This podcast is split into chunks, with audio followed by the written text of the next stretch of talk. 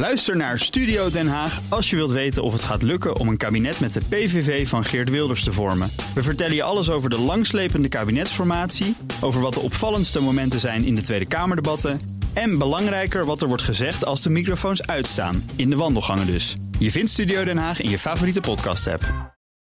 Economenpanel. Het Nederlandse vestigingsklimaat vertoont haarscheurtjes, vindt de Tweede Kamer. Hoe zorgelijk is dat voor de economie? En de klimaatkosten moeten eerlijker verdeeld worden, zegt de WRR. Maar hoe?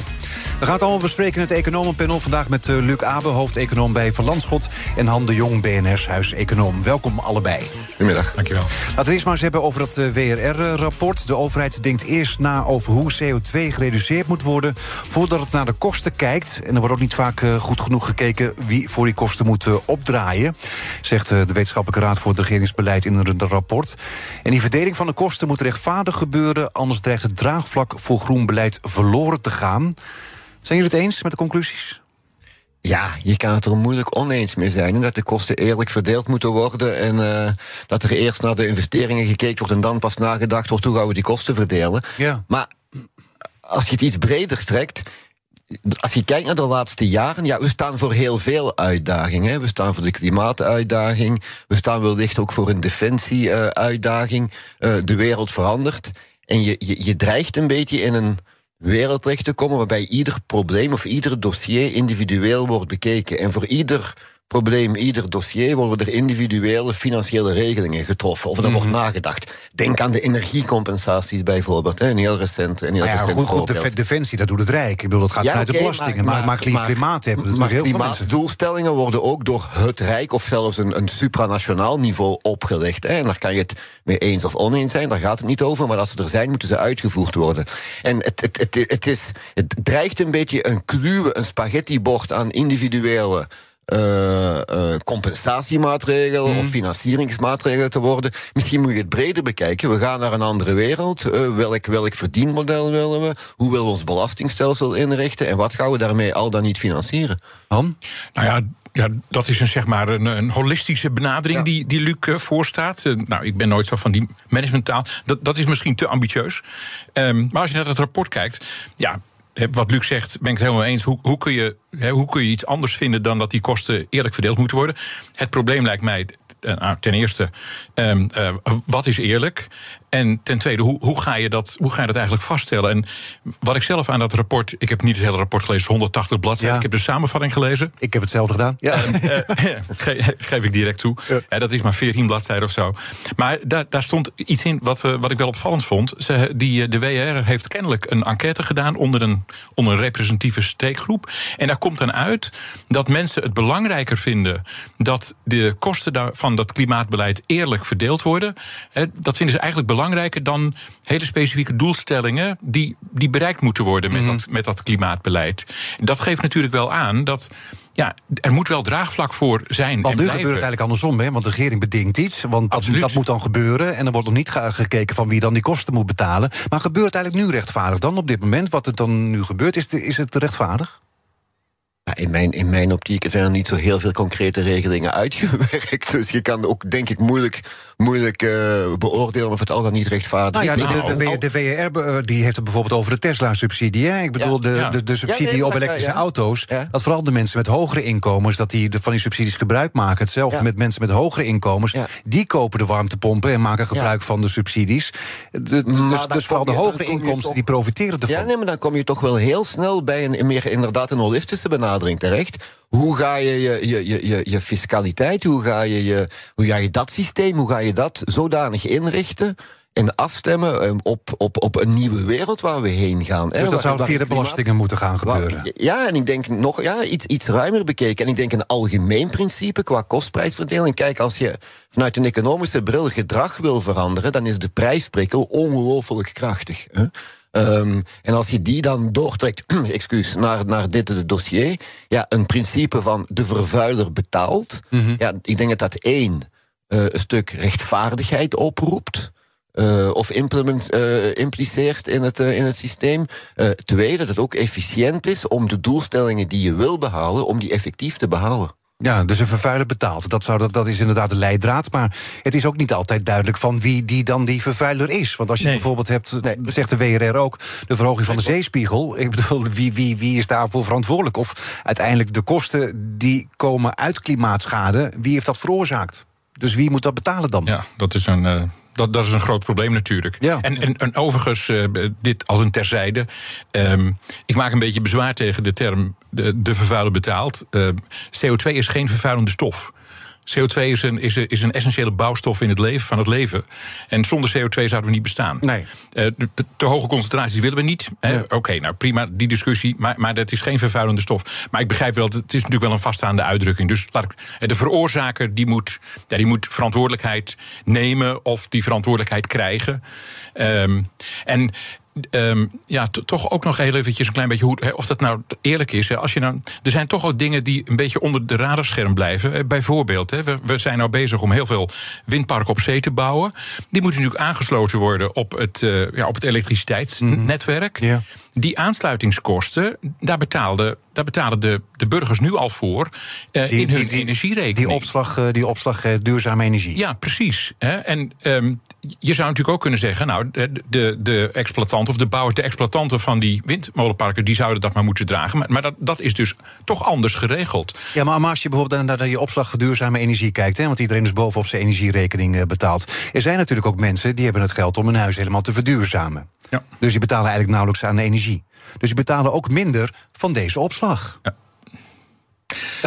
Ja, nee, dus, dus, ja. dus dat betekent dat de mensen zeg maar, die, in de tochtige, die in de tochtige huizen zitten... en dus een hogere energierekening hebben... die krijgen ook meer Maar is die opslag, dan kun je er ook nagaan hoe slecht ik het ook weet. Ja. Maar is die, is die pro rata naar je energieverbruik? Volgens of mij- is dat per aansluiting? Volgens mij, volgens mij is dat, per, eh, werd het ook eh, als, was, het een van de voorbeelden genoemd in het rapport. Oké, oké. Ja. Maar om, om, om nogmaals aan te duiden, als je naar die individuele regelingetjes gaat kijken, met individuele situaties, je komt daar niet uit. Je komt, daar, je komt daar echt niet uit. Je gaat naar een aantal algemene principes moeten gaan van we staan als land, als, als, als continent, zou ik het bijna durven zeggen, staan we voor bepaalde uitdagingen.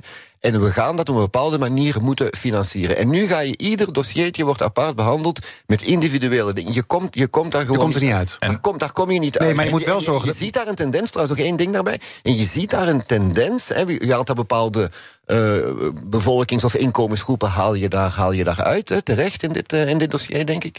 Ehm, ehm, je ziet internationaal, niet alleen in Nederland, een tendens waarbij de, de, de, de lastenverdeling of de fiscaliteit, hè, ja, dat die ja, meer zich gaat richten op ja, kijken naar vermogenden, kijken naar ondernemingen, kijken naar een stukje nivellering die men verder wil eh, of probeert te door te voeren. En dat zie je niet alleen in Nederland, dat zie je in Europa, dat zie je zelfs in de Verenigde Staten met president Biden die dat probeert. Hè.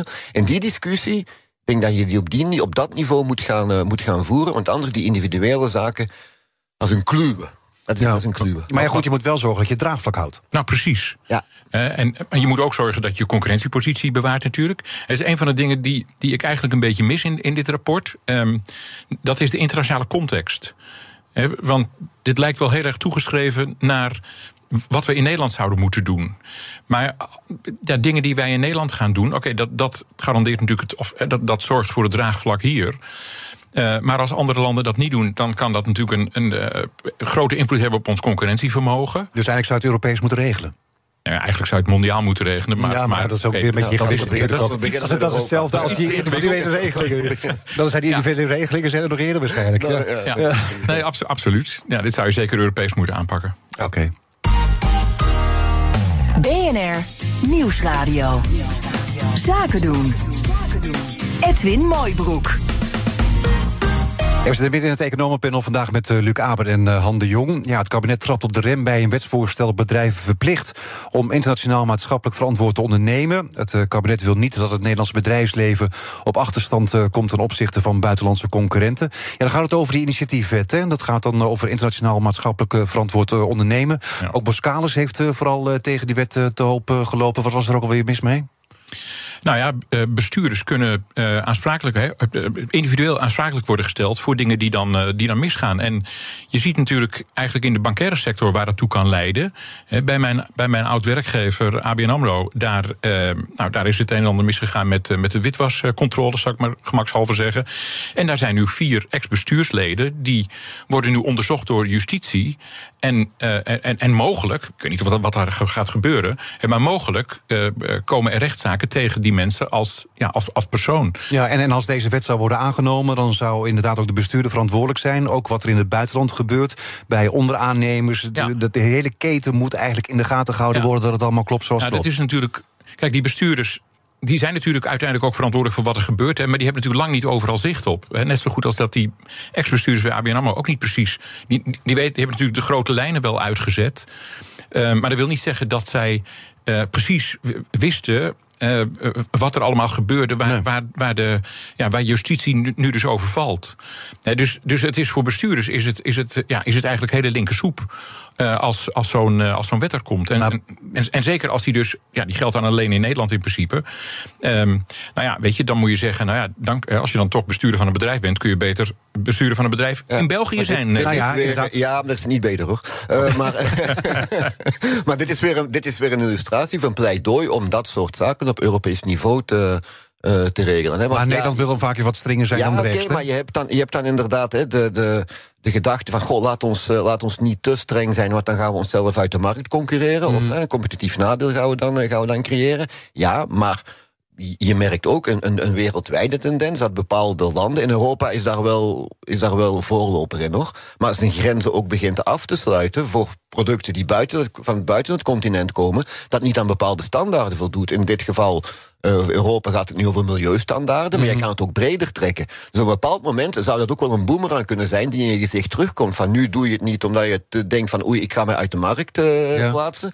Op enig moment, als je internationale tendens hebt, waarbij die eisen wel gesteld worden door anderen, door landen waarnaar je exporteert, ja, dat zou ook wel kunnen. Maar om als individueel land dan ja, voor te lopen, um, is tricky.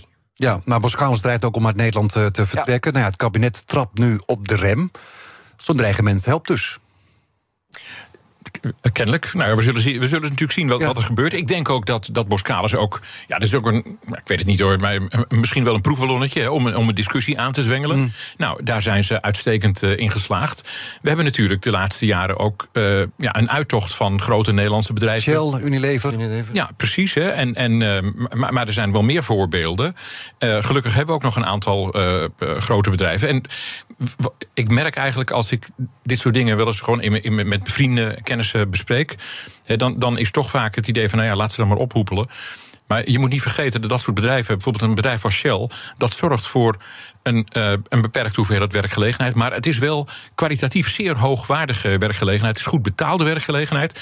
He, mensen die daar werken, die, die, die verdienen heel goed. Ja, die geven dat ook weer uit. Dus, uh, dus het is een hele keten zit erachter. Ja, maar de tendens is inderdaad nu anders. Want er zijn ook bijvoorbeeld partijen in de Tweede Kamer, zoals GroenLinks uh, en Volt, die zeggen van we moeten vooral kijken naar hoe willen we in de toekomst ons geld gaan verdienen. Welke bedrijven willen we houden? En welke bedrijven zouden inderdaad nou, kunnen ja, vertrekken. Het is ook wel het kan zijn voordeel hebben, maar het heeft ook vaak zijn nadelen dat er vanuit overheidswegen wordt bepaald welk soort bedrijven je wil. Hè. Uiteindelijk bepaalt de markt, de vraag, de consument welke producten, welke diensten hij, uh, hmm. hij of zij koopt. Um, en, en, en ja, daar zie je ook wel een tendens dat, zeker bij de jongeren, hè, dat er ook bepaalde tendensen zijn om bepaalde bedrijven te bevoordelen en andere bedrijven. Uh, die willen we wel, die zouden we liever niet hebben. Ja. Maar, maar, het is, en, dan komt, en dan komt dat, die evolutie naar duurzaamheid, eh, maatschappelijk verantwoord enzovoort. Dat komt dan een stuk, ja, tussen aanhalingstekens, automatisch. Hè? Dus die bewustwording die, die is er wel. En dat zal ook zijn repercussies hebben voor het succes of het falen van ondernemingen. Maar, maar als, je... overheid, als overheid daar te veel willen sturen en het te concreet uit te werken. Mm met regeltjes en, en, en procedures en dergelijke. Ja, dat, is een, uh, dat kan gevaarlijk zijn. Ja, hoe, waarom kan het gevaarlijk zijn als, als je als overheid zegt van nou, dit soort bedrijven willen we graag wel, dit soort bedrijven misschien nou ja, liever niet? We hebben natuurlijk niet zo'n. Uh, de overheden zijn natuurlijk niet de beste instellingen om te. Ja, om, om de activiteiten die je wilt hebben te bepalen. Of, of de bedrijven. Dat, dat zie je natuurlijk eigenlijk ook met het industriebeleid. Hè. Nou, dat gaat natuurlijk heel ver terug. Dat men eh, eh, bedrijven ging ondersteunen die uit er miljarden ingegaan. Ja, topsectorenbeleid, nou, dat, dat is nog redelijk, redelijk eh, eh, met de handen ervan af. Maar het wordt natuurlijk steeds ja, eh, dirigistischer, hè, steeds meer sturend. En het is maar de vraag of de overheid dat allemaal. Ja, waarom zou de overheid dat weten? La- laat het aan de markt over. En overigens, wat, wat Luc zegt over die jongeren, daar heeft hij helemaal gelijk in. Wat, maar wat die jongeren zich wel moeten realiseren is: hè, als je nou niet meer bij een bedrijf als Shell zou willen werken, dat is prima. Maar ga je dan wel bij Shell tanken? Ga je überhaupt nog wel tanken? En als je hè, de diensten van, van bedrijf X of Y niet meer wilt hebben. Ehm, of het mag niet meer in Nederland. Ja, dan moet je, die, dan moet je dat ook niet, niet consumeren. En als, als je zegt, ehm eh, Edward, van ja, bij GroenLinks eh, willen ze, en Volt willen ze nadenken over waarmee willen we ons geld verdienen. Dat is prima. Maar een andere vraag is, wat voor welvaartsniveau willen we nou eigenlijk hebben? En als je ertoe besluit dat je geen bedrijven meer wilt hebben die heel productief zijn, die, die een heel veel hoogwaardige werkgelegenheid creëren, dan is de consequentie daarvan dat je Minder welvaartsniveau naar beneden gaat. Ja, Nou, maar op, op de vestigingsklimaatranglijsten is Nederland al gezakt. Hè, van eh, plek 4 naar eh, plek 6. Ja, het is maar een klein beetje. Hè? Ja, Maar goed, maar, maar, maar, maar het zegt misschien wel wat. Ja, je stijgt natuurlijk liever dan, eh, dan, dan andersom. Hè. Eh, nu denk ik plek 6 is nog, eh, Nog best voor, hoog, veel, voor veel landen Ja. benijdenswaardige, benijdenswaardige plek. Ja, hoor. België staat iets eh, hoger. Geloof ik. Het staat iets, ja, iets dieper als. ja, ja. Ja, iets lager. Ja, Ja, ja, ja, ja, ja. ja. Die verschillen zijn misschien ook niet zo heel groot hoor. Ehm, weet je, je wilt ook op, op dat soort lijstjes. ehm, je wilt ook niet te hoog staan, want dan, kun je, en dan is de kans dat je, dat je zakt is groter dan Ja, dat je nog maar, stijgt. Maar de uitdaging die Nederland, als je dan kijkt naar de onderliggende redenen, die zijn heel divers. Hè. Dat gaat over de wispelturigheid van het beleid, dat gaat over eh, infrastructuur, dat gaat over eh, onderwijs, dat, gaat, eh, dat, dat is een heel, breed, een heel brede waaier aan. aan nadelen die door het bedrijfsleven worden opgenoemd. hè, Of door de onderzoekers worden opgesomd. Maar dat is ook een probleem dat je niet enkel in Nederland ziet. Hè. Al die onderwerpen, ook onderwijs bijvoorbeeld, ook de, de, de, de, de weinig standvastigheid in het beleid. eh, speelt overal. Dat, dat, dat speelt overal. En dan moet je je de vraag stellen, als we in een wereld leven waar steeds meer de uitdagingen ja, mondiaal zijn, of in ieder geval eh, supranationaal, dus boven het eh, nationale niveau eh, uitstijgend. Ja, als je die problemen gaat aanpakken, ja, welke kan je op het niveau van een land, Nederland in dit geval, aanpakken, maar welke problemen of welke dossiers kan je ook beter Europees, dus daar zijn we weer. Hè. Onderwijs En- kunnen we zelf.